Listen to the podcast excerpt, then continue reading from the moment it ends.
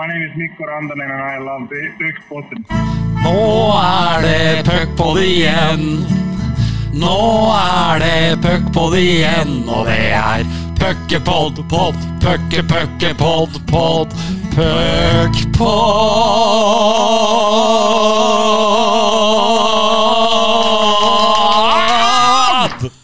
Nei. Puckpod igjen. Ja, og nå er det ikke så lenge siden sist eh, heller, Bendik. Det er deilig å være tilbake i manesjen under ei uke senere. Ja, ja, ja. Nå er det ordentlig sånn førjulsdrag. Vi har jo Med den ufattelig hyggelige beskjeden vi har fått i, i iTunes-greia der, at eh, alt er bra med podden, men savner hyppigere episoder, så har vi tatt dette til etterretning. Nå kliner vi til litt, og allerede neste uke igjen så er vi også på. Så nå, nå kommer tett som hagl inn mot jul nå, og så i vanlig tempo etter der igjen. Ja, for eh, etter vi speeder opp, er det også viktig å bremse ned. Det er veldig vi må viktig. føle litt på markedet her. For alle som kjenner meg og veit hvor opptatt jeg er av trening, veit jo dette at skal du bygge overskudd, så etter at du først har klint til litt, så må du ha en ordentlig hvileperiode òg, ellers så bryter du deg bare ned. Ja. Det er riktig. Og så var det Så var det dagens uh, gjest, da, og det er jo et uh, velkjent fjes i, i Storhamar-hockeyen, uh, får vi si. Han var eh, Mange kjenner han jo fra et utrettelig sponsorarbeid, men eh, vi, tar med litt sportslige fakta også, for han eh, spilte jo på A-laget til Storhamar. Uh, Skåra det første målet på kunstisbana som ble tatt i bruk i forbindelse med debutsesongen til Storhamar på toppnivå. Velkommen, Finn Paulsen. Hjertelig tusen takk. Finn Jul med to u-er. Det er viktig. Jeg har oppkalt etter bestefaren min som het Julius. Det ble litt for langt. Ja, da ble det jul. Da ble det jul. Og så fikk jeg en sønn som heter Henning først. og Han ville jeg kalle Henning Påske. Og så fikk jeg Jarl. Da ble det Jarl Pinse. Men det var ikke Tove en enig i. så da ble det bare Finn Jul. Og så, Finn, før vi fortsetter, må jeg bare be deg eh, dra mikrofonen litt opp mot munnen, for vi har fått litt kritikk for det de siste episodene. Ja, det... det- er jo ikke din skyld, men Nei, nei, nei. nei. Hører dere meg bedre nå? nå ble det veldig bra. Fantastisk. Nå er jeg fornøyd. Flott. Eh, vi skal jo ta noen historier eh, om deg. Uh, Dvs. Si du skal få ta dem sjøl. Men eh, først må jeg spørre om uh, For i SIL-arkivet så omtales du som målfarlig og hissig. Ja vel, det er jo hyggelig. Det er nok sikkert en uh, riktig sak, det. Jeg hadde røde skøyter, og jeg var så sint så jeg var like rød i ansiktet som jeg hadde skøyter og hansker. Så jeg var veldig aggressiv. Men jeg var eh, veldig snill òg. Men eh, i hvert fall utenfor banen. Men jeg var ganske røff ute på banen da. Og det, jeg var liksom sånn at jeg aldri ga meg. Så det var en viktig egenskap jeg har hatt med meg hele livet, egentlig. Det er ingen uh, tvil om. Så får vi gå til uh, historien, da. Bendik, og jeg vet ikke om Finn skal få fortelle den sjøl. Vi skal eh, til Pir 77. Ja, kan jo det. Jeg, er jo, jeg må jo begynne å skyte inn det at hadde dette her vært et alvorlig gravejournalistisk intervju, så måtte jeg meldt meg heidundrende inhabil. Faktisk så inhabil som jeg ikke har vært i noen av disse episodene. Må vel kanskje hjemføre med da Marius Skjelbæk var med, på, fordi Finn er jo min fars beste venn og min søsters fadder, og alltid vært et eh, nært eh, medlem av eh, familien min. Så Finn er jo en person som betyr mye for meg, så derfor er jo jeg vokst opp med mange av disse røverne her. Og byen på en tiendedel av alt jeg har hørt opp igjennom, så tror jeg folk eh, nesten bare kan glemme episoden med Jan Tore Skjær og Ståle Solbakken først som sist. Men en episode som eh, har fått bein å gå på med årenes løp, er vel når Finn og Tore Løvaas var over i Åbo for å hente folkekjære Alexander Smirnov, for da, da var det noen skjær i sjøen, eh, Finn. Helt riktig. Du, Først så vil jeg skyte inn. Når du ble født, så kjøpte jeg fantastisk fine skøyter til deg. Har du dem fortsatt, eller? Jeg veit ikke, men jeg hadde skøyter da jeg fikk fine skøyter av deg når faren min jobba litt for deg for da jeg var 12-13 år òg. Så jeg har flere par fra deg, faktisk. Ikke sant? Hjalp ikke så mye, men det, det var ikke skøytene. Nei, Jeg syns du hadde et talent, da. Absolutt. Um, nå snakker vi om 95. Uh, vi eh, vi eh, hadde da jobba i mange år for å vinne. Men uh, vi fant ut det at vi mangler noe. Og da, eh, gjennom eh, han Ole Robert Holmen Han hadde en god kompis som het Jusjinov. Fantastisk trener som var på is ishockeyskolen vår. Og gjennom han så fikk vi da snusen i at det var en kar borti Åbo eh, som eh, hadde det fantastiske navnet Smirnov, og det kjente vi jo godt. og han hadde jo vært da kaptein på det russiske landslaget. Og, og han skulle over dammen, men var litt i, i eh, Han var ikke helt sikker. Så, så, han kunne også tenkt seg muligens å ta seg en liten tur til Hamar. Og så hadde vi hørt noen rykter om at når det sånne store stjerner skriver under, så, så er det noe som heter signing bonus. Og da måtte vi ut på bygda og hente noe cash. Cash, altså Jeg hadde en konvolutt så diger som bare pokkeren med penger som vi hadde på, innapp på lomma. Og så tok vi også Da var det jo Fornebu, så vi reiste ut til Fornebu. Og så tok vi da fly til Helsinki. Og så var det da seks timer til flyet til Åbo skulle gå. Det var et sånn propellfly. Så vi la oss opp på Pir 77 til å sove for å slappe av litt. Og det ikke jeg oppdaga, var at den digre konvolutten jeg hadde på innapålomma, den da snek seg ut og under setet der uten at, mens jeg lå og sov. Og så våkna vi, da hadde jeg litt dårlig tid, så jeg kasta meg av gårde på flyet. Og så satte meg ned og slappa av der, og så begynte å kjenne på innapålomma. vet du, Og ble helt varm og svett og iskald samtidig. Og da var konvolutten forsvunnet. Og det var liksom, da tenkte jeg nå går alt dette i vasken så det suser. Og sa til Tore at hva gjør vi nå? Nei, vi, vi calla opp flyvertinna, da. Så hun kommer, og så ringer hun tilbake til flyplassen fra flyet og sier at vi har mista en konvolutt. Den var veldig godt innpakka. Så de visste jo ikke hva det var. Vi sa jo ikke hva som var der. Det har jeg ikke tenkt å si heller. Men nok om det. Vi landa i Åbo, og der kommer agenten da til Smirnov og henter oss. Og da Da forklarer vi saken, og han lo jo rett ut, da. Jeg er sikker på faen, hva er det du ler av? Men jeg forklarte saken, og ja, sånn og sånn. Nei, dette fikser vi, sa han. Og så hadde vi kjørt et kvarter, så ringer de da fra flyplassen og sier at de har funnet en konvolutt under setet på Pier 77, og at vi skal få den på neste fly. Og da tenkte vi da kommer sikkert konvolutten, men der er det ikke ei krone igjen. Men for å gjøre historia ganske kort, så kom alt tilbake. Og vi signa Smirnov. Den flotteste signinga jeg har vært med på. Og, og, alle vet hvordan det gikk, og han fikk signingen sin. Jeg vil ikke si hva det er snakk om, men det var en artig historie. I dag er maksgrensa på 25 000. Var det over den summen? Ja. Mye.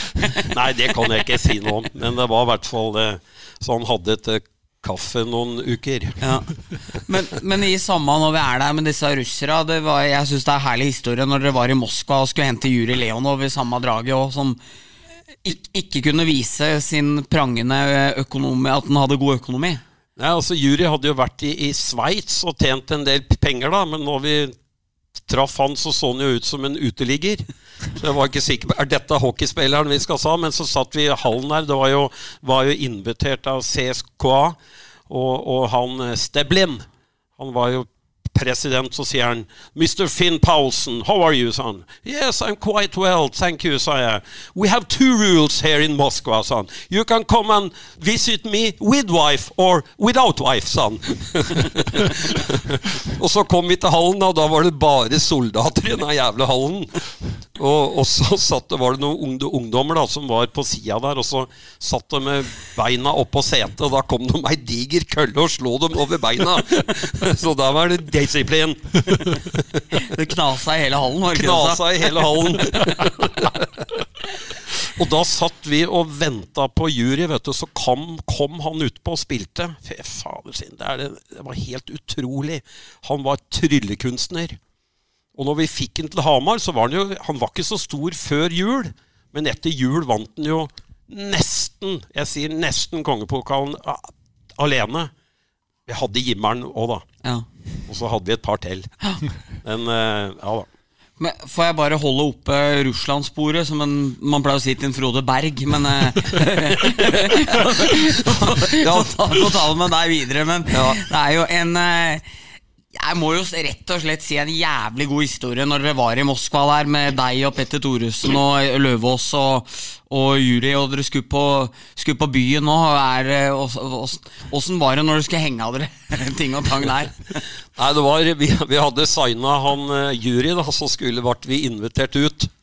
Og det var jo hyggelig. Det var en sånn privat eh, klubb der, så det var jo heftig der. Og han som sto foran meg, var en flott mann i dress og sånne ting. Og så plutselig dro han opp en diger revolver. Så leverte han det til security-vakta der. Og han låste den inne i en sånn sikkerhetsbokt, og så fikk han nøkkelen. Så sa jeg til Smir Sasha Sasha, det er ikke lov til å ha med gunneren sin inn her, sa jeg. Nei, den må du ha igjen ute, sa han. du, jeg var redd i tre døgn. Når jeg lette fra den flyplassen, da var jeg så fornøyd. Det skal jeg love deg. Aldri mer. Det er jo deilig, det òg. Når, når, du går fra byen, så får du med deg frakken og en revolver. Er... ja, fy fader, det da. Ja, det er jo kanskje greit at det ikke er sånn eh, i utelivet her på Hamar og i, i Norge. Hva, hadde blitt farlig her på bygda. Absolutt. Ja. Nei, det er uh, fantastisk. Nå kommer vi jo da inn på, inn på en del uh, store signeringer, og, og da, da, kommer vi inn på det jeg tror de fleste kjenner deg som i Storhamar Finn. For du, du, gikk jo inn på, på markedssida i klubben, og der leverte du jo fantastiske tall. Det var vel bare Rosenborg fotball som var større i, i landet en periode? Altså, eh, vi, vi eh, starta et eh, konsept på 80-tallet, og det var det ikke Det var flere som var helproffe som var med og laget dette her. Og så var jeg en god selger. Det var jo det som var min forse. og, og, samtidig så hadde jeg med utrolig flinke folk, så vi ska, klarte å skaffe penger. Fordi at vi hadde blitt pissa på så mye av Vålerenga og klanen, så vi hadde bestemt oss for at den gjengen der skal vi slå. Og for å få til det, så er vi nødt til å ha noen ressurser. Og, og vi var ute og skaffa kroner her. Og vi begynte å investere da i ishockeyspillere. Vi hadde jo flinke spillere sjøl òg, men samtidig så måtte vi ha noe påfyll her. Og så begynte vi å fylle på. Og hvis dere ser det laget i 95 så kan du jo si at det var jo landslagsspillere som satt på benken. Så det var ikke så lett å komme til der, for å si det sånn, da.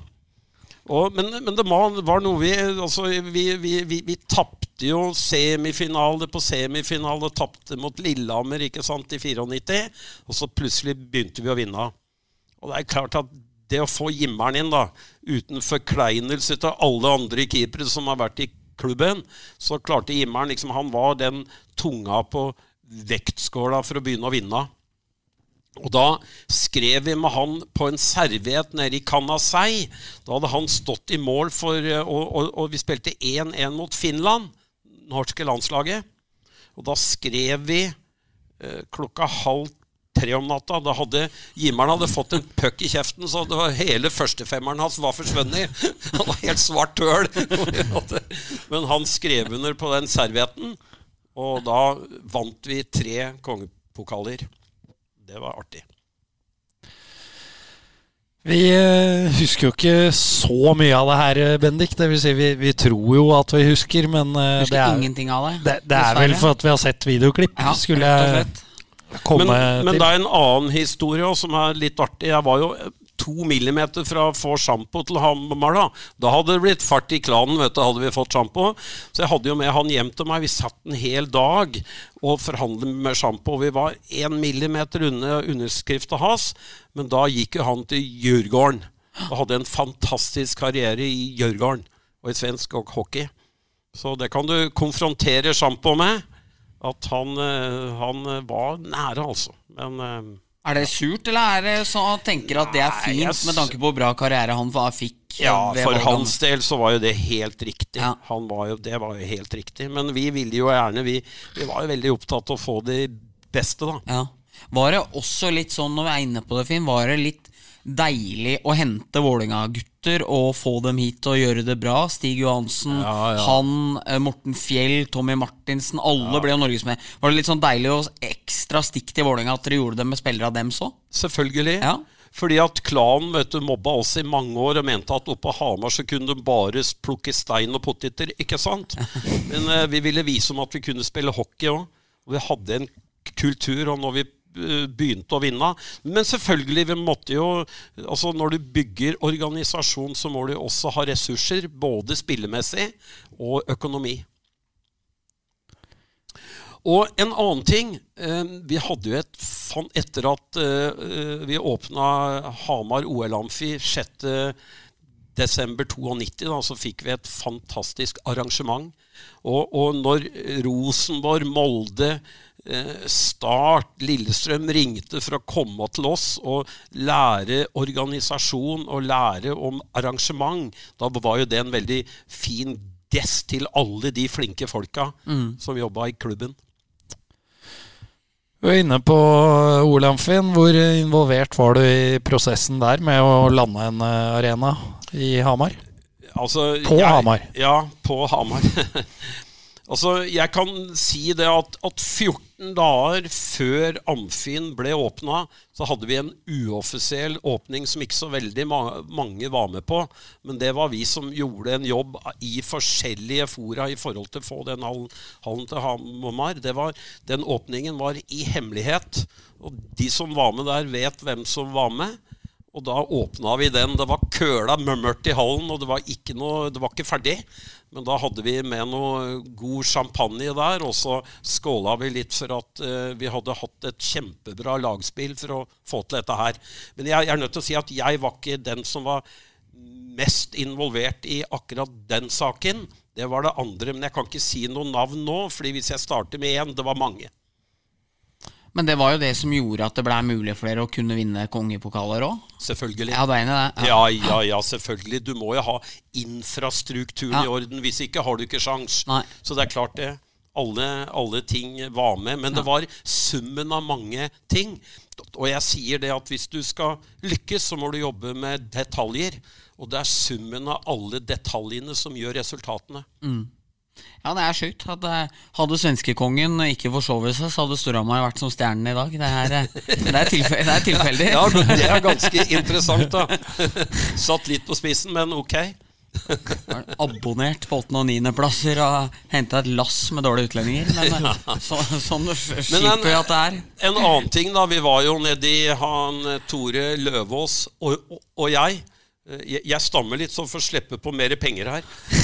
Da går det for fortere. Nei da, men, eh, men jeg blir litt ivrig, vet du. Vi var nede i Zürich og, og skulle få da den Europaligaen til Hamar. Vi var veldig opptatt av dette her. Og vi hadde laget ei flott eh, brosjyre som het 'Business on Ice'. Og der var det klubber fra hele Europa som var representert. Og Tore og jeg hadde kjøpt hver vår svarte dress. Og han skulle opp og holde et foredrag, og jeg skulle da være i salen og dele ut disse brosjyrene og sånn. Og så sier han eh, presidenten da eh, fra Sveits Han eh, introduserer oss og sier han And so from Norway Mr. Finn Paulsen and Mr. Tore Lavæs. Det ble helt stille i salen. Fy faen. Jeg visste ikke om jeg skulle le eller gråte. Men eh, nok om det, da. Det ble ordentlig stemning i salen her. Og som dere ser, da, så fikk vi den ligaen til Hamar med bra, bra suksess. Åssen responderte Mr. Lovass når, når han fikk navnet sitt? Nei, da, han Tore han gikk opp på talerstolen og holdt et fantastisk foredrag om Hamar og hockeyen, så det gjorde han på en fantastisk måte. Det er godt å høre. Ja, det, det er rått. Det er tittel, det. Mr. Lovass. Det er tittel, altså. Ja, ja, ja. Men eh, Finn, du er jo Du nevner jo, nevnte jo sjøl nå da den eh, stamminga di. Ja, ja. Uh, og før vi gikk på her, så, så hadde du jo noen fine historier om det også. For, for, for det med stamminga er jo et element som kanskje gjør det enda mer imponerende, Bendik, den selgerjobben Finn har gjort. For man tenker jo at det kanskje er dårlig match. Jo, men du kan si det sånn, da jeg satt inne at alle disse bedriftslederne begynte å stamme, så ble de jo så lei meg, så de måtte jo skrive under, ikke sant? Så hadde de ikke blitt kvitt meg. Og når jeg gikk i fjerde klasse på skolen, så, så sier læreren at nå skal han Finn på stammeskole. Så sier han som sitter ved sida av, hvorfor skal det, han sa han? Han kan jo stamme, han sa Og så var jeg på stammeskole ca. én måned, og så rømte jeg. Jeg ville ikke være der, for det var så mange som stammer der. Og det var noe dritt, da. og så kommer jeg hjem igjen, og så ser de at han Finn har rømt. Og han har løpt to mil på en halvtime. Han hadde rømt. Og det syns en var veldig fort, da. Men så sa han kompisen min at ja, men det går fint det, han, hvis han tar en snarvei. sa han. Jo da, og så her om dagen så var jeg Og så traff jeg Knut fa fa fa Fallbakken. Og så jeg sier du, Knut, jeg, kan, jeg skal kjøpe noen nye, nye boka deg, sa jeg, som heter st st sta, Stammeren. Ja, sa Knut, det er hyggelig. Og jeg kjøpte boka, og så sa jeg du, du Knut, jeg tror vi kommer fra sa, sa, sa, samme stammen, jeg, sa jeg. Og da lo han litt. Det syntes han var morsomt. Og så skrev han en hilsen til Fiffi-Fiffi-Fin Paulsen. og brukte tre sider. Fra Knuke Knuke Fallbakken, sa han. Just altså, sånn går nå disse dager. Kjætta, kjætta, kjætta. Har du sett noe regn i dag, du? Hva? Ja. Ja, det er, det er fantastisk. Ja, det er nydelig. Men eh, tilbake til eh, markedsjobben. Eh, du var jo veldig flink eh, i den, eh, Finn.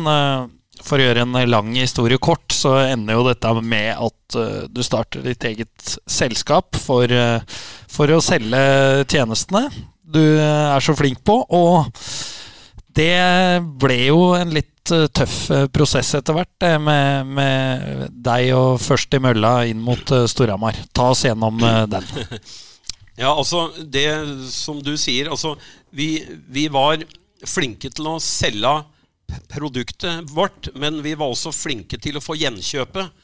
Fordi at en god selger ikke sant, han må selge inn avtalen to og tre og fire ganger. Altså kunden kommer tilbake, og da er det ikke bare underskrifta som gjelder. Det er jo også, også at du gjør en fin oppfølgingsjobb mot kunden. Og Klubben var veldig opptatt av å følge opp hver enkelt sponsor, så dem var fornøyd og kom tilbake. Og det, dette var vi veldig flinke til i mange år. Men det er klart, jeg, jeg hadde, hadde da vært i klubben i tolv år.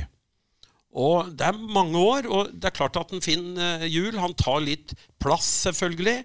Han har bestemte meninger og osv. Og så uh, hadde han eh, jeg, jeg, hadde, jo to sønner, og særlig Henning begynte jo å banke litt på inn til Asdalen og spilte jo en del kamper.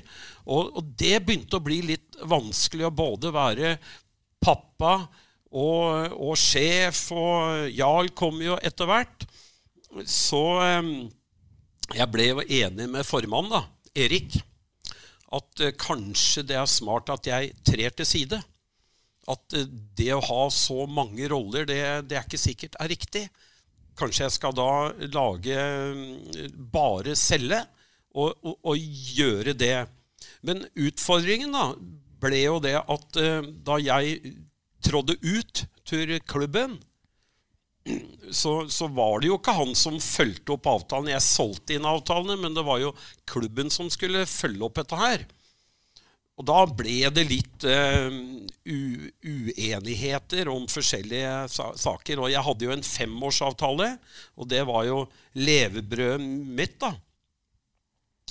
Og eh, da de sa opp den eh, avtalen, da, som var uoppsigelig, etter ett år, så ble det veldig komplisert for meg. For det var jo jobben min, og jeg hadde jo tre ansatte osv. osv. Så vi eh, var jo litt uenige en periode, og avisen elska dette her. De skrev jo side opp og side ned. Og Det var jo ikke helt enkelt. Så, men, men jeg er litt sånn at vi ble ferdig med den saken. Vi fikk rydda opp inn. Og, og jeg går videre, jeg rister den av meg. Men det er klart, den dag i dag så syns jeg det var en litt trist avslutning. Fordi at det var jo babyen min på en måte, og jeg er jo like glad i klubben i dag. Men det var jo bare noen få som skjønte hva som egentlig skjedde. Og det var, det var ikke noe enkelt der og da. I dag er jeg ferdig med saken og går videre. Så du vil ikke si noe mer eh, Jeg leste en gammel H-artikkel eh, i arkivet tidligere i dag eh, om det med For det, det var jo et møte hvor det var uenighet i to og en halv time, skal vi tro HA, og så ble det en pause på et kvarter, og dere kom tilbake og var enige om forlik. Ja, ikke sant? Ja. Hva skjedde? Hva skjedde? Ja. Hvor mye Altså, jeg må være helt ærlig. Vi, vi var jo interessert i å, i å, avslutte saken. Fordi at det var jo bare én vinner, og det var pressen. Det var jo mye så, sånn, sånn, sånn, sett. Men, men, det er klart at jeg fikk til et forlik, så jeg kunne slippe å slå firmaet mitt konkurs. da. For det hadde jo vært hvis jeg måtte ha gått utenom og fått noe. For jeg hadde jo ansatte folk osv. Og, og utfordringen min det var jo det at jeg hadde solgt for mye reklame. Jeg hadde jo da solgt, jeg skulle selge for åtte, men solgte for ti. Og det er klart at når du selger, Hadde jeg solgt for lite, så hadde jeg jo skjønt det, men jeg hadde solgt for mye. Og det er noe dritt, da. Nei da, det var jo jeg fleipa litt nå. Men, men nei da, vi ble enige, og det var veldig fint. Og, og så når, når, du er helt enig, så er det ingen som er helt fornøyd. Men vi gikk ut at vi tok hverandre i hånda, og saken er ferdig for mange, mange år siden. For meg. Eriksen, du som er Det var voldsomt til rusk i halsen i dag, da. Ja, du er frisk. Jeg er frisk, ja, så vidt jeg vet. Symptomfri og alt, så ja. det er rart det skulle bli sånn. Skulle være det. Men uh, du som er uh, det tabloide alibiet i denne puckpoden, du hadde vel ikke elska en sånn sak noe særlig nå? Nei, men det er litt uh, som jeg hadde, jeg hadde nok gjerne kost meg med den saken her, men det er jo litt som jeg sa i stad, at, at i og med at det var Finn mot Storhamar, så var jo det ville jo det vært en ting som hadde gjort at jeg hadde vært satt av saken her uh, uansett. Men uh, det jeg skjønner jo, pressen mesker jo seg alltid i den slags saker. Det, det, er ikke til å komme unna, det. Det er sånn du selger, er sånn du selger aviser på. Så pressen blir ofte vinneren i disse store greiene. Vil jo tro at i Bertheussen-saken nå nærmest en fillesak, egentlig, hva angår hva angår hun mot rikets sikkerhet, eller hva helvete er nesten er tiltalt for nå, som bare er tull, så er det jo det er jo pressen som tjener mest på det, og, og det er jo sånn det må være. sånn må det være. Absolutt. Ja da. Vi hørte jo Henning ble nevnt her. Finn har jo et par sønner. Jarl har jo vært gjest her. Og vært mye omtalt òg? Vært mye omtalt i, i poden. Disse sønnene dine de er jo eh, glade i å dra noen historier som ikke alltid har rot i virkeligheten. Ja vel. Er det, er det din fortjeneste? Er det deg de har lært å røve av? Lurer ja, vi på nå. Hvis de drar historie, så er jeg veldig fornøyd at de er i godt humør og har fantasi. Det er fint, det. Så lenge det ikke skader andre, så er det veldig fint. Så eh, nei da, de har humør, de gutta der. Absolutt. Bendik, du har vel vært utsatt for at de dro samme historien etter hverandre med ti minutters ja, mellomrom. Ja, ja, ja. På konfirmasjonen til søstera mi, så kan, jeg kan vel byde på nå. Så ja. kom, kom, Henning, og så sa han det at uh, jeg var på Robin Hood i går, og da var han som tok billetta på kinoen, kledd seg som munken i Robin Hood. Og sto med sånn munkesveis og grå kjortel og tok imot billetta. Og jeg gliste jo som bare det. Så gikk det fem minutter, og så kom eh, Jarl etterpå og så sa han Faen, jeg var på kino i går. Med, ja, med Henning, eller? Nei, nei, nei, bare, bare jeg. Og da sto han kinokonduktøren i grå skjortel og munkesveis og tok imot. Så da hørte jeg at da har gutta trent på en røver, og så tok de en eh, hver sin gang der. Den har jeg ikke hørt før. Den var ny. Ja, det er fint. Vi må snakke litt om eh, matchen som var, Bendik. Ja, På lørdag.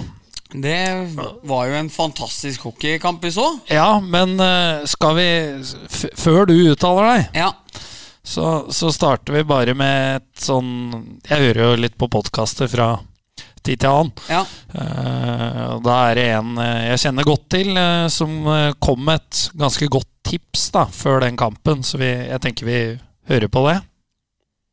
Tror Storhamar eh, slår eh, tilbake. Tror Patrick eh, spiller hele matchen, og at det blir tungen på vektskåla. Jeg sier 3-1 ja. til Storhamar. Ja, det var det var undertegnede som tippa 3-1 til Storhamar, og at Patrick Thoresen skulle spille en avgjørende rolle. ja. Jeg tippa 3-2. Ja, men det holder jo Jeg ikke. mangla en, mangla en empty netter, jeg, da.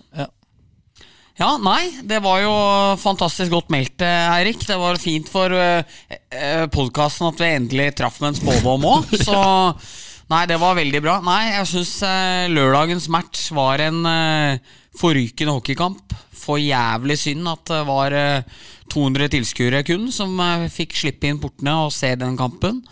Eh, så gode Storhamar er nå, med så mange egne gutter. Det er jævla kult, altså.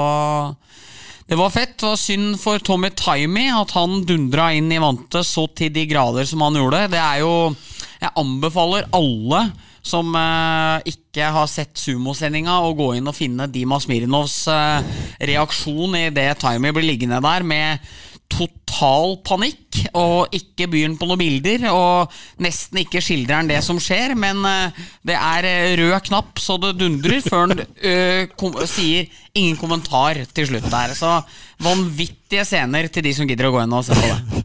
Ja, og der må jeg komme med et innspill. Jeg har selvfølgelig tatt opp dette med, med Dimas sjøl. for jeg reagerer jo også i det det skjer, men jeg, ble litt overraska når Makker eh, tar ordet og beordrer at her skal det ikke vises repriser. Nei. Og sett i ettertid, når det da også gikk bra, så var det veldig dumt. Men jeg så en herlig kommentar på Facebook i den anledning hvor eh, eh, Dima og, og jeg da ble, ble beskyldt for eh, å ta rollen som diktatorer Ja som nekta reprise. Jaha. Ja, nei, Det var diktatoriske holdninger fra kommentator, Ja. og det skulle ikke han ha. Nei, man blir jo beskyldt for så mangt i disse tider, men eh, nei, det var stort å høre Dima Uff, uff, nei, nei, ikke vis noe mer. Eh, ingen kommentar, og der lar han eh, bildene bare leve. Så nei, det var rått. Det var, men det var jo det var en kjip situasjon. Det var, kan jo glise av det nå når man hørte at det gikk vel med en, at uh, Timey hadde kunnet verifisere for uh, legen at han visste hvor telefonen lå i garderoben, og fikk ringt til kona si allerede i pausa og sagt fra at uh, det gikk etter forholdene bra, så får vi håpe han blir frisk og rask og er fresh igjen, fordi han er jo en uh, berikelse til denne ligaen. Helt klart. Så skal det sies til Dimas forsvar da, at han trodde vel at hjelmen var av før han traff vantet, ikke som en konsekvens av at han traff vantet. Uh, og da kunne det jo fort vært ganske mye styggere utfall. Ja. Uh, men for all del, det blir nok reprise neste gang. Det er også en kjepphest uh, som jeg har lyst til å ta nå, at det er jo en eh, vært en jævla lei tendens i norsk hockey alle år at når klubber skal forsvare stygge taklinger, så har man det veldig ofte med å predikere at motstanderen ikke hadde festa hjelmen sin. Ref. Kjeldén eh, på Jordal, Skastammen med, mot Frisk Asker. At det er en sånn idiotforklaring på hvorfor dine egne spillere oppfører deg som idioter. At du sier at ja, man hadde ikke festa hjelmen. Stort sett så har 99,99 ,99 festa hjelmen akkurat sånn som alle andre på isen gjør, men et visst trykk gjør at hjelmen spretter av, for sånn er det bare. Det er jo jeg er ikke god i fysikk, her, men det sier seg sjøl at en viss kraft vil gjøre at hjelmen til slutt ikke tåler det presset den blir satt under. Og det er jeg veldig glad for at vi slapp noen store greier her med at hadde Timey blitt skada, så takk og lov at jeg slapp å se noen Storhamar-ledere uttale seg om at han ikke hadde festa hjelmen ordentlig, for det er det glade vanvidd. Ja, og det ble jo også uttalt uh, fra hjelmprodusent uh, tilbake den gangen uh, Kjell Dehn ble takla, at eh, det er designa sånn at den Ja. stroppen skal løsne når det blir et visst trykk. Og da regner jeg med det i hvert fall er sånn nå, Ja, når det var sånn den gangen. Hvis du hopper opp i trynet på en med to soners fart, så vil det dessverre skje. Det er en risiko du da må ta når du utsetter andre mennesker for, for sånn behandling. Fin. Hvor eh, tett følger du eh, dagens Storhamar? Såpass at jeg så hele forrige kamp, og det var en fantastisk flott eh, ishockeykamp. Og som Bendik sier, og som også du sier, at det er jo kjempeartig at uh, unge spillere fra egen klubb virkelig begynner å vise kvalitet her. Og jeg, jo, jeg er jo nabo til Edvardsen. Og Han var jo intervjuet i HA her for ei lita stund, så han, hadde han, hadde, stått og skjøt på det målet i, i årevis han, ute i hagen, og det vet jo jeg alt om, for jeg er jo naboen hans, og han har jo ødelagt mang en eh, Mang en efta for meg. Eh, Men samtidig, jeg har jo to sønner sjøl som har stått og gjort akkurat det samme. Så jeg har sagt det til Edvardsen. Fantastisk, fortsett med, med det. Og det har jo vist seg at det gir fine resultater. Og det at Olsen også begynner å vise flott, eh, flott hockey, hockeyforståelse, kjempefint. Pluss flere. Det var en ting vi, vi glemte å ta opp med Kjær i forrige pod, eh, som eh, jeg egentlig hadde tenkt å spørre han om. Eh, Det må jo være litt tungt for, for St. Halvards menn nå at de har jo hatt fri fra Tom Erik, som terroriserte dem i noen år. Nå er sønnen på plass, og skårer jo nesten bare mot Vålerenga. Ja, ja, ja. Det er jo 18 år gammel og har eh, tre poeng per uke mot dem. Og faren burde dem vel kanskje også gjort til Vålinga-spiller, med tanke på at eh, Per Skjerven var uh, Vålinga-legende, og at uh, Tom Erik glapp mellom fingra av dem, så gikk de Finn i stedet. Og nå er det tredje generasjon som attpåtil signerte toårskontrakt her om dagen, som gjør at de må tåle noen poeng i trynet fra Eskil i, i ja, en 10-12-15-18-20 kamper de kommende to åra. Kommer an på hvor mye det møtes i sluttspillet. Så nei, det tror jeg svir litt for dem. Men det er, jo, det er jo generelt, da. Det er jo mange av de spillere de har fått mye juling av opp igjennom, som nå kommer opp igjen i generasjon to. Sønnen til eh, Karl Oskar Bøe Andersen nå leverte jo er uheldig på målet, men er jo en fantastisk ung tilvekst som også kommer til å plage Vålerenga. Og Salsten og Patrick Thoresen har jo mildt sagt gjort alt han kan for å, for å så salt i såret for Vålerenga. Så nei, det er litt moro, det. Den goalen til eh, Patrick der, ja. Ja, Det er der mor gjemmer kakene, som du så berømt eh, sa for to eller tre eller fire år siden, da du tok patent på det i Norge.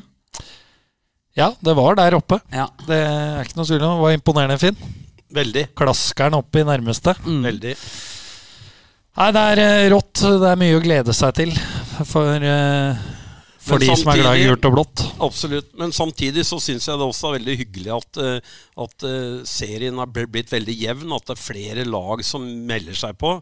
For det er klart at når den perioden som jeg holdt på, da, så var, jo, var det jo ikke så veldig mange lag som var, hadde de ressursene og sånn, så nå har det jevna seg mer ut. Og jeg husker vi var med å starte hockeygymnas, og nå kommer det ut x antall bra hockeyspillere hvert år som ingen har hørt noe om, og som plasserer seg i lag. Og, og, og sånn, Det er sånn man kan utvikle norsk ishockey. Nye haller og bredden. Og det syns jeg er fantastisk at vi får litt motstand nå. Og da er det ekstra interessant å se at de gjør fine resultater. Eh, Vi snakker om den nye generasjonen, da. Eh, En del av det er jo da sønner av eh, av Oslo-gutter som, som du henta hit på, på 90-tallet, og, og til dels slutten av 80 også. Hva var dere opptatt av da for å få de hit, bortsett fra selvfølgelig disse tjukke konvoluttene med penger, da, som, som du har vært inne på? Nei, det, altså, det var ikke mye tjukke konvolutter. Det er klart, skulle vi hente en russisk kaptein, da var det, måtte vi ha litt uh, størrelse på konvolutten. Men, men Oslo-spillere var jo opptatt av å få lønna si. Altså, og, og eh, at, at vi holdt den avtalen vi gikk inn, og at de hadde en stabilitet. Samtidig så hadde vi en veldig flink sosial gruppe som Altså én ting er jo det som skjer på isen. Men du har jo veldig mange timer utafor isen, så vi var veldig opptatt av at spillerne skulle trives. Og der var det med Inge Johanne Muri, Morten Lillehagen, altså mange Kjell Åge Jensen, mange Arne Søberg, mange som gjorde en kjempejobb i forhold til at, uh, å få spillere til å trives. Og det ser vi den dag i dag, at mange blir jo her. Og får unger og følger opp og sånne ting. Om de er eh, sønner av gamle Oslo-gutter eller hedmarkinger, det er ikke så farlig for meg, bare de kan å spille hockey. Ja, nei, sant. Men tenk hvor livsavgjørende det er for Storhamar som klubb bare i dag. Jeg tenkte på det når jeg kjørte hjem fra matchen sist, at når Eskil Bakke-Olsen spiller til Patrick Thoresen og Eirik Salsten er utpå og, og er først i vanta og sånne ting altså, Hadde man ikke fått dem ved en eh, det er jo ingen som vet at sønnene deres kommer til å bli gode. De kunne jo fått uh, døtre òg, som da aldri hadde spilt på A-laget til Storhamar herrer. Så det er, jo, det er jo tilfeldighetenes spill, men samtidig så prata Pål Johnsen litt om det på lørdag, når vi prata med han om det òg, at det er jo en for, for, for fordelaktig situasjon at faren din har spilt. Altså Det gjør jo muligheten lettere opp. Jeg så Martin Røymark også sa det i et intervju med VG at du har jo selvfølgelig en stor fordel av det. Og ingen visste vel da Petter Thoresen ble henta hit til 91, eh, var det vel, at uh, sønnen hans skulle sette avtrykk 30 år etter. Men det har jo virkelig skjedd. Så fett. Jeg er nødt til å si det. Jeg var jo, var jo sjefen der når Patrick debuterte. Da var han Jeg tror ikke han hadde fylt 16 ennå. Han var 15. Han var 15, ja. ja, ja. Og jeg har aldri sett en 15-åring heve laget vårt. Det har jeg ikke sett, men det gjorde han. Absolutt. Skåra på Åke Liljebjørn i debuten, var det ikke det? Ja, det 8-1 eller 8-2-tap. Ja, du husker godt, du. Nei, jeg gjør det. Og det var vi jo inne på i eh, Det var kanskje når Patrick eh, var her, at eh, om det var første gangen, at han, han fikk jo kritikk for at han feira målet. Ja. Oh, ja, I, av enkelte supportere. Ja, okay. Fordi det var jo en ubetydelig redusering. Ja. Men, det, så, jeg, så, så, så, da hjalp det ikke at han var 15. Nei, for det syns jeg skal være lov. Hvis, det, er, hvis det er 15 år og tre år unna å spille uten eh, bur foran trynet, så er det lov å score når det, nei, juble når du scorer på Åke Lillebjørn. Mm. Ja, og altså, jeg er enig på generelt grunnlag at du kan være litt moderat hvis du Eh, redd, eh, kom en ubetydelig redusering. Men uh, samtidig er jeg veldig motstander av folk som ikke feirer mål. Ja, det er for, for, det er noe tull. Ja, For det er ikke noe vits å score hvis du ikke blir glad for det.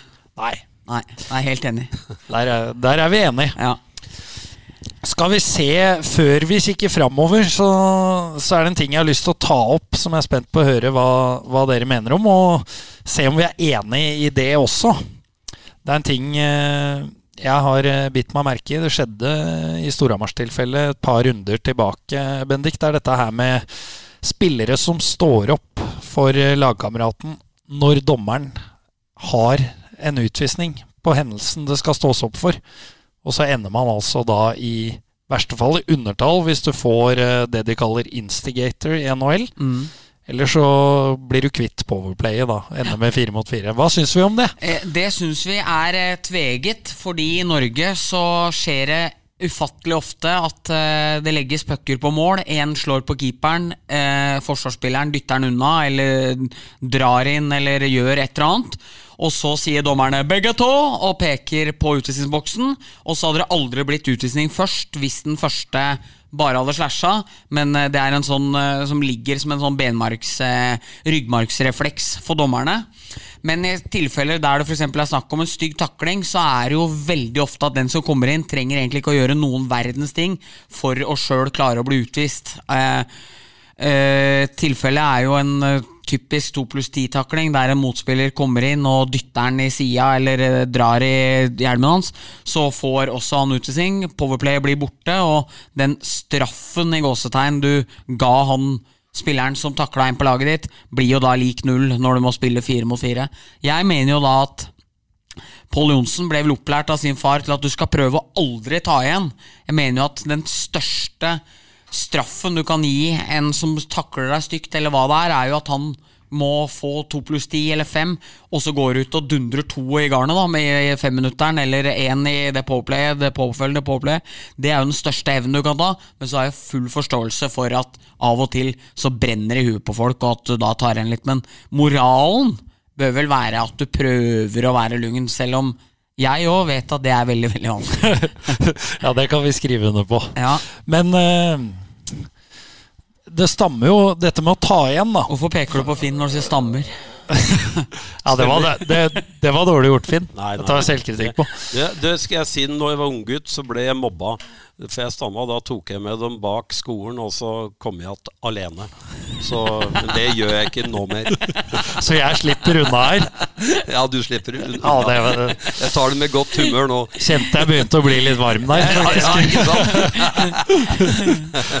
Nei, det, det jeg skulle fram til, var at dette her med å ta igjen, det stammer jo fra eh, en tid hvor det, det var litt andre regler i hockeyen. Hvor dommerne ikke håndheva sikkerheten til spillerne. Så når noen var slemme mot deg, så, så måtte du ta saken i egne hender. Eh, så spørsmålet til deg da, Finn, som eh, har vært med såpass lenge, er det, er det nødvendig å ta igjen når dommeren har en avventende utvisning på den forrige hendelsen? Ja, Jeg syns jo Bendik hadde en fantastisk analyse på det, men jeg spilte jo Husker veldig godt når det kom canadiker inn i norsk hockey. Det elska jo jeg, for de, vi ville jo slåss. Så vi gjorde jo stort sett ikke noe annet enn å slåss. Og, og det var jo morsomt. Det var en del av hele pakka. Og jeg husker godt jeg, jeg På Jordal Amfi en gang, da, da i en viktig kamp så havna både en Ole Robert Holmen, Erik Svenneby og jeg ned på legevakta, alle sammen.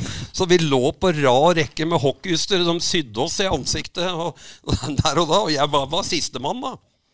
Og, for jeg hadde fått en puck. Jeg hadde gått på, kastet meg ned foran et skudd og fikk da pucken rett i panna. Og måtte jo snurpe igjen her. Og så når da jeg var sydd igjen og var klar, da, så hadde jo alle reist til Ham Hamar igjen. Men så var det en gjeng med supportere fra Hamar kommune. De kjørte en sånn gammel folkevognbuss. De var nede på legevakta og henta meg.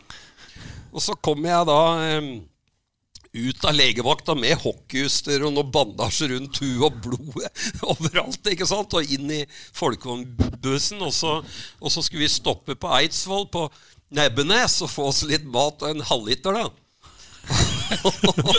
og jeg kom da inn på, på Nebbenes med fullt hockeyutstyr og drakt og bandasje rundt hele, og så, så, så ropte jeg 'Hei, er det noe noen av esvellinger her?' da holdt jeg på å fikk juling. så det Ja, ja. Nei, men tilbake til spørsmålet ditt. da Det var, det var mye mer slåssing før, syn- syns jeg. Det er klart at konse konsekvensen kan du si, for å, for å slåss det er jo mye større i dag, og det er mye mer alvorlig i dag. Så det er en, er en god ting at det er på vei bort. For det må vi jo si at det er. eh, Altså, det er jo ikke lov. Nei, altså Se på kanadensisk hockey nå. De slåss jo nesten ikke. Du ser Det er en helt annen hockey. Bare for fem til ti år siden så var det ikke noe annet enn slåssing. Nå er det jo noe helt annet, og det er en fantastisk hockey de spiller. Så jeg syns det er veldig fint at den slåssinga går, går bort. Enig. Og så må jeg si det at uh, i og med at nå har det jo vært to slåsskamper på rad mens det har vært strøm av Vålinga òg, at uh, slåssing kan til en viss grad berike hockeyen litt, grann, men da må det være som det har vært her nå, syns jeg, med hanskene på. Altså, eh, og, og at man da kan se litt gjennom det, er vel ikke rett per def å gi fem pluss video da, eller det skal vel, eh, i hvert fall sånn det har vært de senere åra, så har det jo blitt gitt kamper på det, men uh, klarer man i hvert fall det, så blir det i hvert fall en del mindre alvorlig da, enn når det er med bare never. Så litt pussig av meg å si, men det får være. Nei, men jeg er enig med deg. Eh, Jeg tenker at nå har du så mye eh, apparater, eh, og, altså disiplinærutvalg og den type ting, til å ta ting i ettertid, også for det som ikke ble plukka opp. Alle matcher blir filma. så jeg tenker det bør være historie. Eh, det viser jo regla også, at det er i, i ferd med å bli. Og dette er det sikkert mange som er uenige med meg i, men jeg må bare si at disse avtalte slåsskampene i NHL, det er det dummeste jeg ser. Men det er vel heldigvis så å si ferdig nå. Ja, at, det, at det blir fight etter to sekunder og fordi sånn av kamp. Fins det- ikke noe dummere, for da kan, får du gå på sirkus, hvis det er det du vil. Ja, det er vel ikke så mye slåssing på sirkus heller. Nei, men altså at, at du følger et manus, da. Ja, ja, ja. Jeg skjønte, skjønte hva du mente. Ja, nei, men det får folk bare være Enig eller uenig? enig eller uenig. Det lever vi greit med. Vi kikker litt framover. Det er en utrolig viktig uke på gang, eh, Bendik. Det er. Frisk Asker Allerede I- i kveld. Som i vi- kveld, i og med at podden blir sluppet i Yes, tirsdag, tirsdag. morgen. Ja, det er det. Frisk Asker, som jeg føler har vært litt som Storhamar i år. De har vært utrolig bra på å få med seg mye poeng, eh, litt uansett prestasjon. Eh, har jo hatt uh, Er det McIntyre han heter? Som har ett poeng mer enn Patrick Thoresen. Har vært helt fantastisk. Niklas Dahlberg har så vidt litt høyere redningsprosent enn Viktor Kochmann. Har vel ikke noe lavere goals against, men uh, det er jo to nøkkelfaktorer i kampen. Er jo kanskje litt like lag nå. Begge to i utgangspunktet litt tynnere backbesetning enn løperside, men to fantastiske keepere. Unge, progressive trenere som eh, har fått satt lagene laga sine. Jævlig kult at de to er i toppen, og det er jo litt viktig for Storhamar og for ligaen at eh, Storhamar tar den eh, matchen i dag, for ellers så begynner Frisk å få en litt behagelig luke ned. Og så skal Storhamar også til Vestlandet og møte Oilers på lørdag og møte Oilers hjemme på tirsdag, så det kan være veldig lurt, tror jeg, sånn Oilers ser ut òg, å ta noen poeng med seg fra Asker i kveld. Det er jeg enig i, og eh, det bør også bli i hvert fall halvparten av poengene mot Stavanger i de to oppgjørene. Ja, altså jeg. Stavanger nå har drevet og slått Gryner og Gjøvik og Lillehammer. Gjøvik! Nei, Nei Narvik er på samme nivå, da. Eh, Er, har drevet, de har tatt de har, Av de, den sekslagsstreaken nå, så har det vært mye ymse kvalitet de har møtt. Så det, de må vil få en ordentlig reality-sjekk, tror jeg, når eh, vi får se hvor bra de er nå når det kommer inn mot helga den tirsdagen. Så det er litt tidlig å, å friskmelde ser Vålerenga skårer jo ikke mål, dem heller. Mot eh, ingen, egentlig. Og de gjorde jo ikke det mot Stavanger den matchen heller. Så jeg tror eh, sidisene ikke skal friskmeldes riktig ennå. Men de slår dem Storhamar på lørdag, og tirsdag så er det jo ikke noe grunn til å sitte her og overvære, for da er de jo snart forbi. Ja, det har du rett i. Finn, du som uh, var med på å ta Storhamar uh, opp i toppen av uh, norsk hockey. Hvordan ser du på, på Narvik, som Bendik er litt ondskapsfull mot her nå? Nei, men de er ræva nå. Ja, de, de har vært fryktelige den sesongen her. Men hvor viktig er det at de eh, blir værende som en del av, eh, av eh, Fjordkraftligaen? Ja, selvfølgelig er det veldig viktig. Vi må få med oss hele landet. Nå har de jo vært litt opp, opp og ned. Og de har vel, men det er jo viktig å få opp noen ressurser der, der oppe. Så, så jeg vil, og jeg syns jo det er veldig synd at ikke Trondheim Bergen har noe lag, ikke sant? Så, så, så skal hockeyen utvikle seg, så må vi få med flere storbyer. Og Nord-Norge er utrolig viktig. Ja, det, de ble jo rett og slett ribba før sesongen, eh, Bendik. Ja. Det skal jo sies, eh, det. Det er jo det som er synd, det, når et lag overpresterer. Det blir jo spennende å se hva som sitter igjen i Bodø-Glimt etter det året her òg, men eh, det er jo mange eksempler på det. Et lag som har kommet opp og gjort det kjempebra, som dem gjorde i fjor. Nå ble det niendeplass til slutt, men eh, for en berikelse de var for eh, ligaen. Og Murphy er i Vålinga, og spillere er godt rundt. Falk Larsen eh, i Sparta og Niska Kangas i Stjernen. Litt, litt merkelig, eller litt synonymt for alle, er at de har hatt en litt trøblete sesong i år. Egentlig alle de tre. Eh, Men det er jo kvalitetsspillere, og det er jo der jeg føler at Narvik har slitt i år. De har ikke klart å erstatte dem på samme måten, og da blir jo gapet fra dem opp til resten mye, mye større enn eh, hva det var i fjor. da Så håper vi at dem kommer, for jeg er helt enig med Finn at vi er avhengig av å ha dem med i ligaen, og det, det var skikkelig kult i fjor med det dem ga ligaen. da Tør du å komme med en tidlig spådom her? Klarer de seg i kvalik? For kvalik blir det for, eh, for eh, Arctic Eagles. Jeg, ja, jeg skal eh, svare på dette litt seinere i sesongen, litt kjedelig av meg, men jeg er altfor dårlig på førstedivisjon nå. Men jeg syns jo både Komet og Ringerike har spennende staller, så jeg vil nok anbefale Fjordkraftligaen-laga å være skjerpa og kanskje til og med forsterke seg utover, for det er bra lag som kommer opp nå. Ja. Får ta med Lørenskog også i miksen der, da, som vel er foran Komet, etter eh, det jeg vet. Ja, Men Komet har bedre lag, Det ut ifra det jeg ser. Det er jeg enig med deg, men det er underprestert litt i år. Men vi går eh, videre, og vi tar en eh, fast spalte. Det er tid for ukens røver. Yes, det er det, og vi skal til Manglerudhallen. Eh, jeg tror vi er på midten av 2000-tallet, kanskje litt tidligere òg.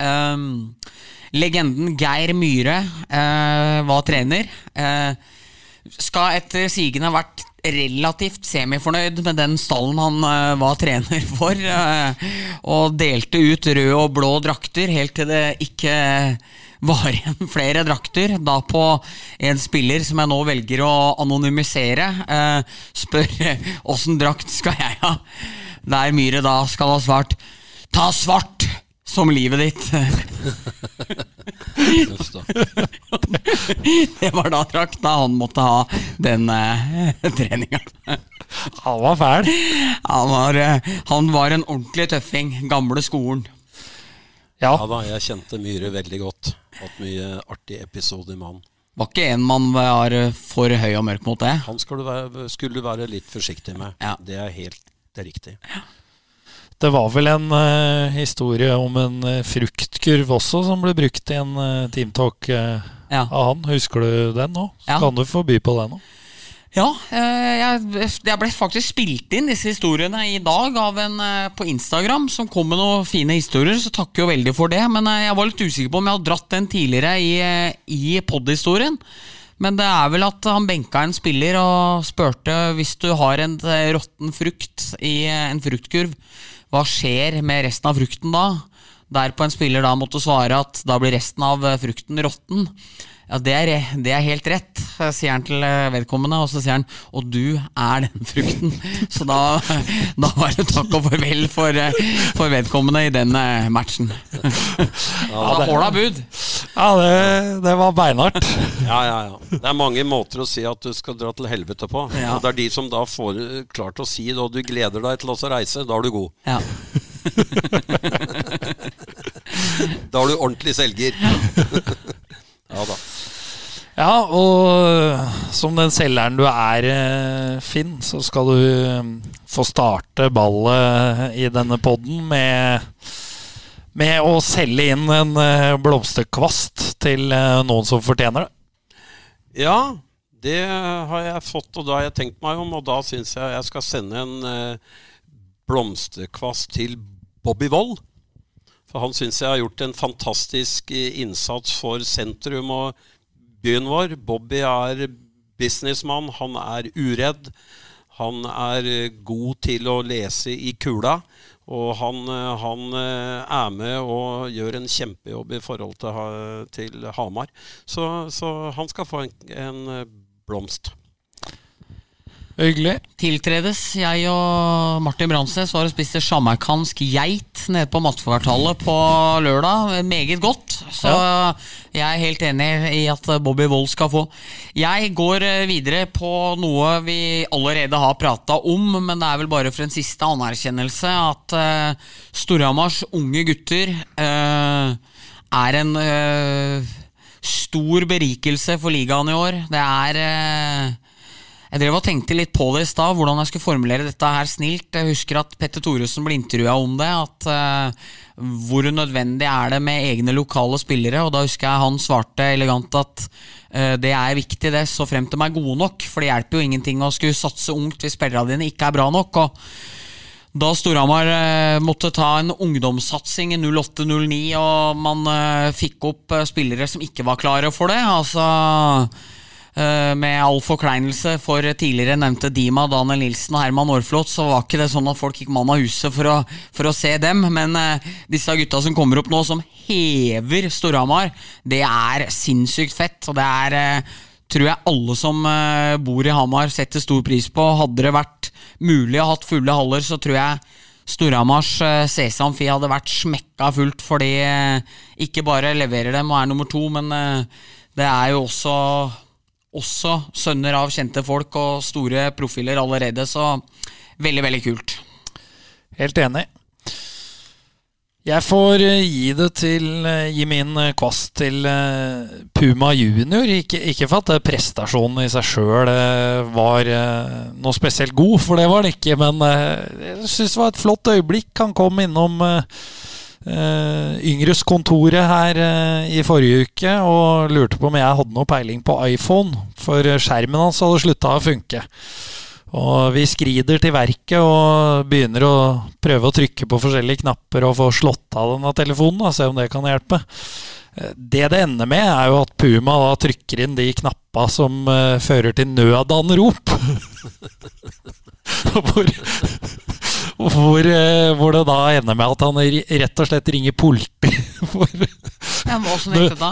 nødetatene, nei, bare De lurte jo på hva som sto på, da. Og da måtte han jo bare forklare at han hadde problemer med iPhone. Og Ja. det, det var de jo ikke spesielt imponert over Nei, på er- nødetatene, for det er jo ikke noe å ringe dem Nei, for. det skjønner jeg da. Så det syns jeg var flott innsats av Puma Junior. Så skal få en blomst for den, hva han bydde på. Så skal vi sage litt, eh, Finn. Og hvem skal vi sage i denne podden? Ja, det er klart at eh, jeg har jo tenkt meg litt om, og det er, det har vært litt, eller blitt litt provosert av siste uka, eller, eller faktisk ganske lenge. Det er den plasseringen av dette sykehuset vårt, da. Hovedsykehuset vårt. Nå har eh, de holdt på jeg vet ikke hvor mange år. Men eh, veldig lenge, kanskje 30 år, kanskje litt mer òg. Og enda holder de på. Og nå har de jo eh, Helse Sør-Øst har jo liksom eh, signalisert at de har fundamentert et sykehus oppå på Moelven ved brua der, da.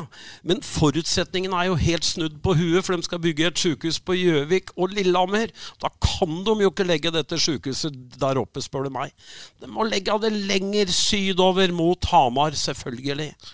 Og da sender jeg en kvass til eh, Helse Sør-Øst i forhold til eh, Men det er, det er ikke sikkert at det er bare dem som burde hatt den. Det er muligens også en masse kompromisser mellom politikere og politiske partier her. Og det syns jeg også er veldig synd. At det skal bestemme hvor sykehuset skal være i forhold til fagkompetanse. Takk. Ja. eh, jeg går videre, og jeg skal da Er du, er du enig? Ja, jeg er enig. Jeg er 100 enig. Er ganske pinlig hele opplegget med eh, hvordan jernbanedebatten, og man eh, later som man er glad for eh, hvordan det endte òg, men det er en annen sak. Jeg vil til kommunen. Som Da bare sier jeg det med en gang. Jeg regner med at vi skal inn på det samme her, at det er også min Ja. kaktus. Kommunen pleier å islegge 17 skøytebaner på vinterstid. Kutt i islegging skal gi en total besparelse på 640 000 kroner, kan man lese i Hamar Arbeiderblad i dag. Og det har da fått Storhamar-kaptein Patrick Thoresen til å ty til ydmykhet på Twitter, der han eh, tar kontakt med Hamar kommune og skriver 'Kjære Hamar kommune', og prøver å presisere hvor viktig det er for barn og unge å ha disse mulighetene her klare.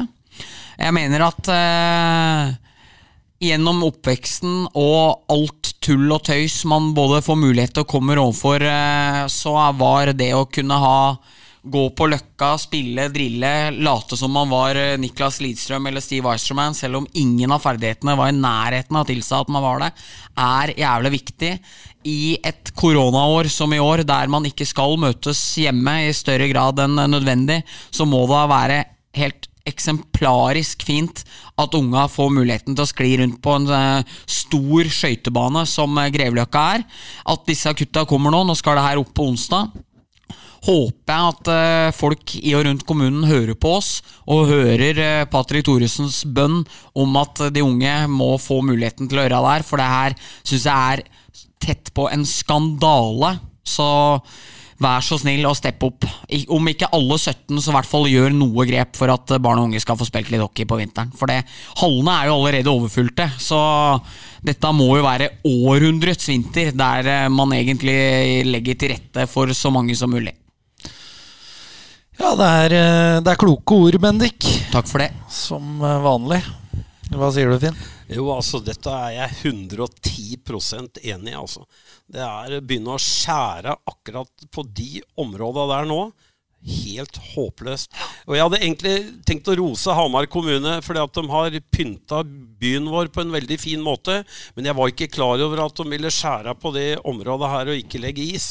Så det synes jeg er helt Og jeg skal jo ha med Stella, barnebarnet mitt, opp og spille. Og Hvis det ikke er noe is der, så kommer jeg til å dra rett ned til Einar og rive den ut av kontoret sitt og få den med på neste hockey, hockeypad her.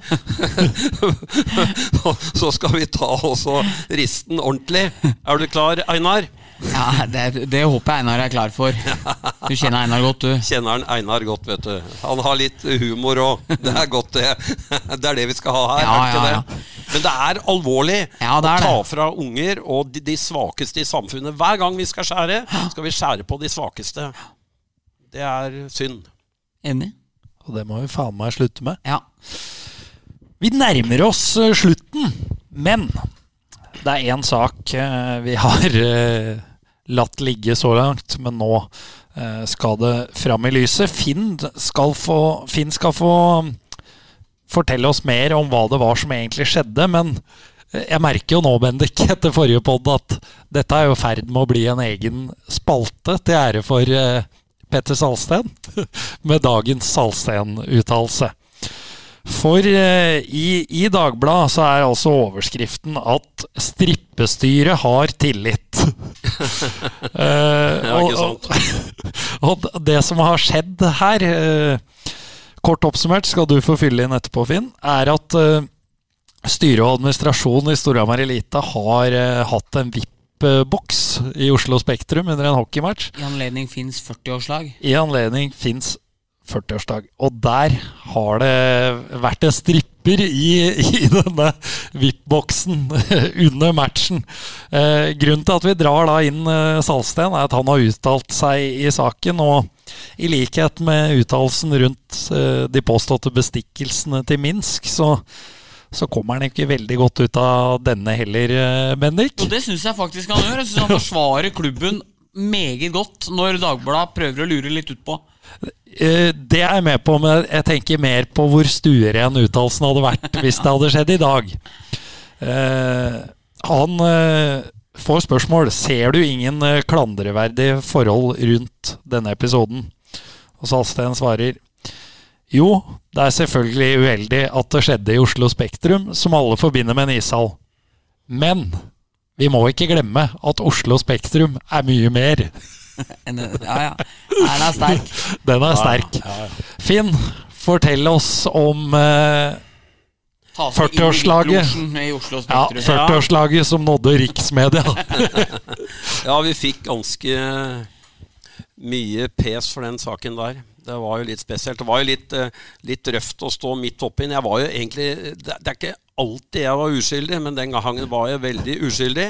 Jeg var så uheldig at jeg fylte 40 år i september i, i eh, 95.